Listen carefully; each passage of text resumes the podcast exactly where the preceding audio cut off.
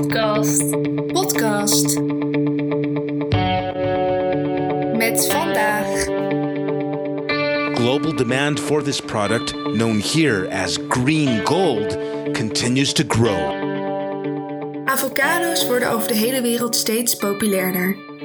De consumptie van de avocado is in de afgelopen jaren ruim verdrievoudigd in de Verenigde Staten. Met name Mexico en de Verenigde Staten zijn belangrijke handelspartners als het gaat om avocado's. Ongeveer drie kwart van de avocado-export vanuit Mexico gaat naar de Verenigde Staten. De Verenigde Staten heeft een grote impact in Mexico op het gebied van milieu, economie, sociale leefomstandigheden en op kleine boerenbedrijven door de sterke vraag naar avocado's.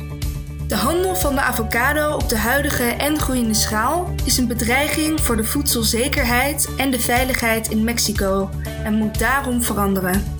Volgens Carlijn, onderzoeksjournalist en expert op het gebied van internationale handel, kan voedselsoevereiniteit een oplossing bieden in Mexico als het gaat om de avocado-voedselketen. De voedselsoevereiniteitsbeweging is een beweging die zich enerzijds inzet voor voedselveiligheid en anderzijds inzet voor bredere sociale, economische en milieuvoordelen.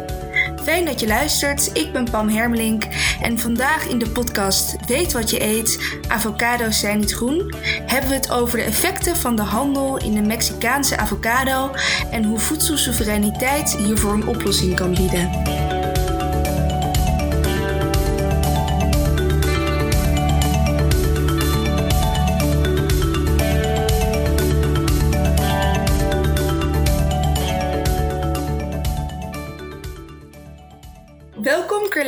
Eh, fijn dat je bij ons te gast bent. Ja, wat leuk. Fijn dat ik hier eh, te gast mag zijn. Ja, leuk. Carlijn, kun je ons wat vertellen over de huidige situatie omtrent de avocadohandel tussen de Ve- Verenigde Staten en Mexico en eh, de rol van de NAFTA hierin? Ja, zeker. Dus de, de handel in Mexico is sterk beïnvloed door de NAFTA. Eh, dit staat trouwens voor North American Free Trade Agreement. En dit verdrag eh, is opgesteld door de Verenigde Staten, Mexico en Canada om vrije handel tussen de landen mogelijk te maken. En dit handelsverdrag was bedoeld ook om de economie, bruto binnenlands product per persoon en de werkgelegenheidsgraad te bevorderen. Maar helaas zijn de resultaten wel een discussiepunt. Ja, ja, dat is natuurlijk precies waarom we deze podcast eh, hierover houden. En kun je ons wat vertellen over ehm, waarom het dan een discussiepunt is, die handel? Ja, dus na het invoeren van de NAFTA zijn er miljoenen Mexicaanse burgers die in armoede leven. En verder is de werkloosheidspercentage ehm, veel hoger geworden de afgelopen jaren. En veel kleine familieboerderijen zijn verdwenen. Deze slechte economische en sociale omstandigheden hebben bijgedragen aan de gigantische migrantenstroom van Mexico naar de Verenigde Staten in de afgelopen decennia. Verder heeft de productie van avocados meerdere externaliteiten die invloed hebben op de natuurlijke omgeving, ongelijkheid, maar ook veiligheid. Ja, ehm, laten we eerst even inzoomen op die huidige handel op het moment van de avocado. Ehm, eh, ja, kun je ons wat vertellen hoe dat zit tussen Mexico en de Verenigde Staten? Ja, er zijn dus veel verschillende actoren betrokken in de avocadohandel. Namelijk de producenten, dat zijn de boeren of bedrijven die avocados verbouwen en oogsten. En om deze avocados naar de VS te mogen exporteren, moet een producent deel uitmaken van de associatie. Mhm. En ehm, eh, wat doet een associatie precies? Ja, nou, dit is een eh, overkoepelende organisatie van boeren en pakhuizen die toezicht houdt op kwaliteit. Oh ja, dus dat is, dat is wel belangrijk. En eh, hoe verkoopt die boer zijn, zijn avocado? Ja, nou, de producenten zijn vooral kleine boerenbedrijven en het verkopen gaat dus op basis van bieden. Er is eigenlijk weinig sprake van contracten tussen de boeren en de pakhuizen. En in sommige gevallen worden de avocados ook geëxporteerd via een exportbedrijf. En ehm, dan is het zonder tussenkomst van een pakhuis. Oh ja. ja. En hoe worden die avocado's, eh, ja, wat, wat gebeurt er dan verder mee? Ja, erna worden de avocados vervoerd naar een aantal locaties op de grens tussen Mexico en de VS. En daar um, ja, dit is een plek waar ze getoetst worden om de importstandaard um, op de importstandaard van de VS. Oké. Um, en zijn er nog bepaalde uh, partijen die hier veel macht op uitoefenen? Uh, ja, de regering van de Verenigde Staten is uh, eigenlijk de belangrijkste. Omdat die invloed kan uitoefenen op alle andere actoren. En verder zijn er bedrijven die de licenties uitgeven aan de productiebedrijven en pakhuizen ook heel machtig. Want zij bepalen namelijk wie avocados mogen verkopen aan de VS. Ja, er zijn dus veel verschillende partijen betrokken bij de internationale handel van de avocado. En um, ja, er kunnen positieve en negatieve effecten optreden, uh, blijkt uit verschillende studies. En wanneer die negatieve effecten goed verholpen kunnen worden, kan vrije handel een grote bijdrage leveren aan de wereldwijde voedselzekerheid. Dus dat is zeker een, uh, zou heel positief zijn. Maar wanneer die wanneer het niet het geval is, dus wanneer er wel negatieve um, effecten blijven, kan dit juist een gevaar zijn voor de lokale voedselzekerheid. En uh, Carlijn, je hebt je onderzoek naar gedaan en um, je bent op een aantal negatieve effecten gestuurd door die handel met de Verenigde Staten. Uh, kun je dat uitleggen? Er heeft veel ontbossing plaatsgevonden voor het aanleggen van nieuwe avocadoplantages. En dit waren hele belangrijke gebieden voor de biodiversiteit. Het feit dat plantages worden uitgebreid in deze regio heeft ook te maken met het feit dat de VS alleen avocados uit de regio Michoacán accepteert. Avocadobomen hebben ook heel veel water nodig. Dit draagt bij aan het watertekort in Mexico, wat zorgt voor slechtere leefomstandigheden van mensen die niet aan genoeg water kunnen komen. De grond verdroogt hierdoor ook, waardoor het steeds lastiger zal worden om voedsel te verbouwen. Ja, ja, en je legt nu uit de, uh, vooral de effecten uh, op de natuur en op het milieu. Um, wat uiteindelijk effecten heeft op de duurzaamheid op de lange termijn. Um, maar ook die lokale boeren, um, vanuit een sociaal perspectief, hebben ook moeite met de huidige markt, toch? Dit klopt zeker, want kleine boerenbedrijven hebben moeite om met de markt mee te kunnen blijven doen, omdat ze eigenlijk geen toegang hebben um, tot de nodige materialen, omdat die gewoon te duur zijn. Veel mensen leven in armoede en verhuizen uiteindelijk naar steden of proberen richting de VS te komen. En dit is uh, een versterkende feedback loop die kleine bedrijven uiteindelijk de, de mark, markt uitwerkt. Familiebedrijven in Mexico worden op deze manier op grote schaal gewoon van de kaart geveegd door grote en rijke bedrijven. Ja. Heeft dit ook te maken met de strenge regelgeving uh, die er heerst?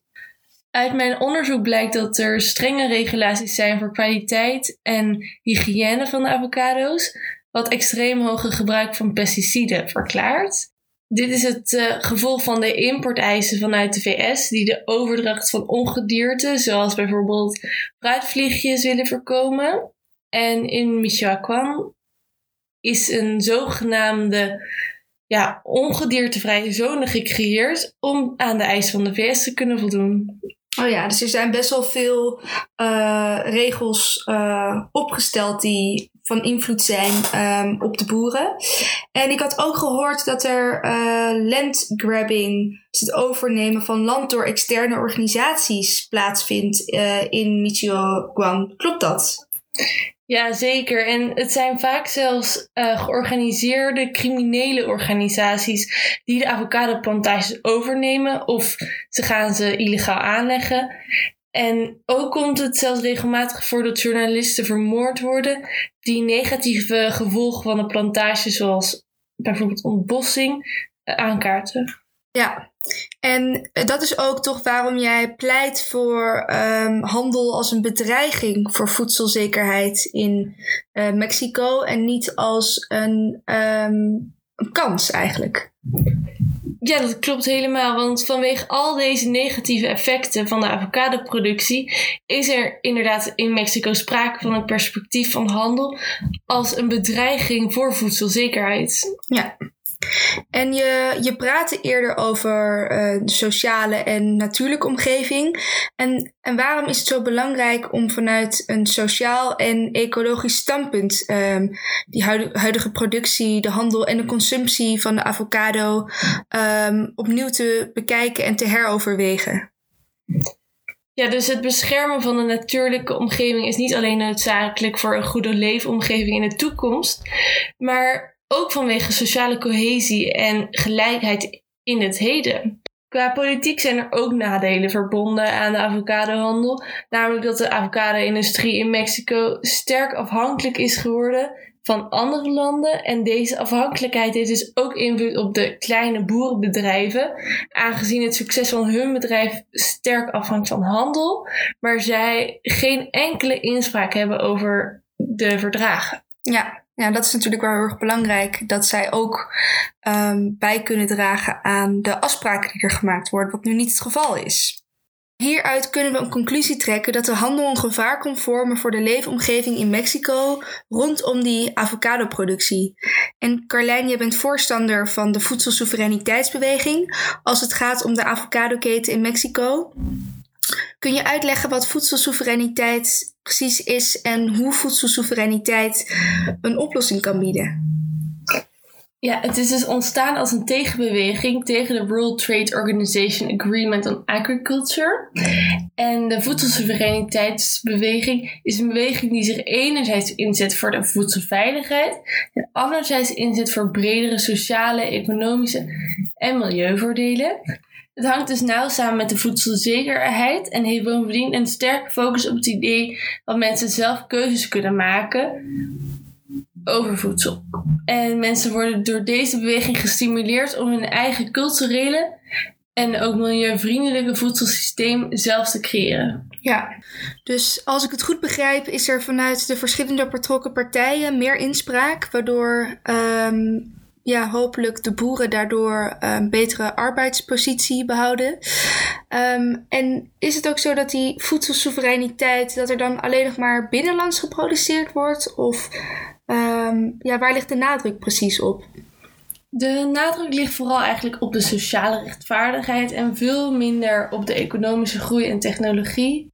De voedselsoevereiniteit zet zich af tegen de huidige organisaties van de wereldwijde voedselsystemen en pleit voor een structurele verandering.